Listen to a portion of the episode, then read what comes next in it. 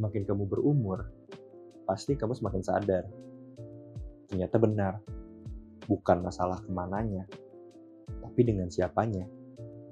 Aku nggak masalah buat makan makanan mewah di restoran yang megah dengan harga selangit atau cuma makan pecel lele ditemani genjrengan gitar pengamen dan juga suara bising kendaraan berlalu lalang supaya aku bisa dengar kamu bilang dihabisin ya makanannya aku nggak masalah buat minum kopi di balkon kafe lantai 5 di mall tengah kota atau cuma minum minuman panas dengan pemandangan jalan raya, ditambah tukang nasi goreng beserta pelanggan-pelanggannya.